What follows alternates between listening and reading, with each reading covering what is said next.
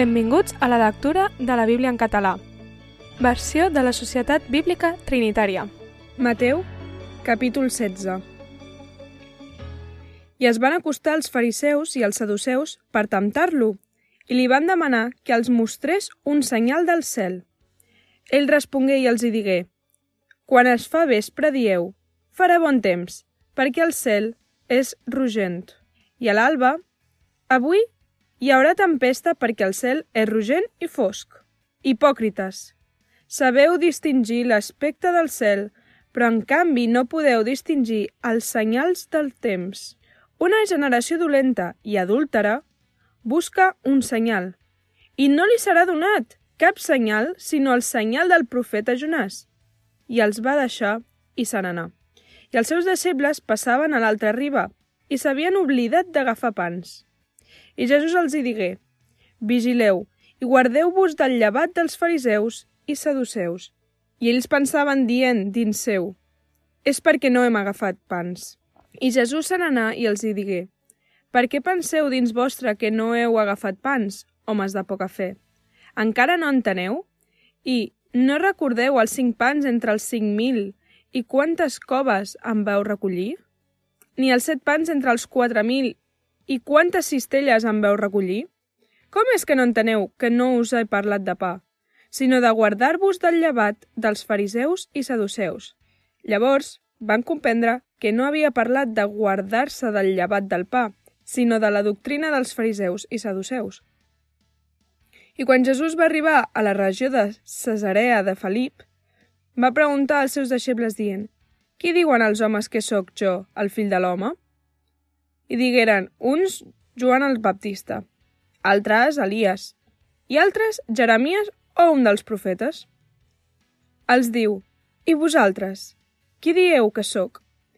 I Simó Pere va respondre i digué «Tu ets el Crist, el fill del Déu vivent». I Jesús respongué i li va dir «Feliç ets, Simó Barjonàs, perquè això no t'ho ha revelat la carn ni la sang, sinó el meu Pare, que és als cels. I jo et dic que tu ets Pere, i sobre aquesta pedra edificaré la meva església, i les portes de l'infern no prevaldran contra ella. I et donaré les claus del regne dels cels, i tot el que lligaràs sobre la terra serà lligat en els cels, i tot el que deslligaràs sobre la terra serà deslligat en els cels. Llavors va manar els deixebles que no diguessin a ningú que ell era Jesús, el Crist. D'ençà de llavors, Jesús va començar a manifestar als seus deixebles que calia que ell anés a Jerusalem i patís molt per part dels ancians i dels principals sacerdots i dels escribes, i que fos mort, i que al tercer dia ressuscités. I Pere, duent-lo a part, va començar a renyar-lo dient «Déu, tingues misericòrdia de tu, senyor! Això no t'ha de succeir pas!» Però ell es va girar i digué a Pere «Vés-te'n darrere meu, Satanàs! M'ets un entrebanc, perquè no pensen les coses de Déu, sinó les dels homes». Llavors Jesús digué als seus deixebles «Si algú vol venir darrere meu, que es negui a si mateix i prengui la seva creu i em segueixi. Perquè el qui vulgui salvar la seva vida la perdrà, i el qui perdi la seva vida per causa de mi la trobarà. Perquè quin profit en trauria l'home si guanyés el món sencer però perdés la seva ànima? A què donarà l'home a canvi de la seva ànima?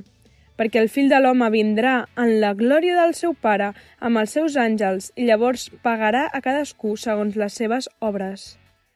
En veritat us dic, n'hi ha alguns d'aquí presents que no tastaran pas la mort fins que hagin vist el fill de l'home venint en el seu regne.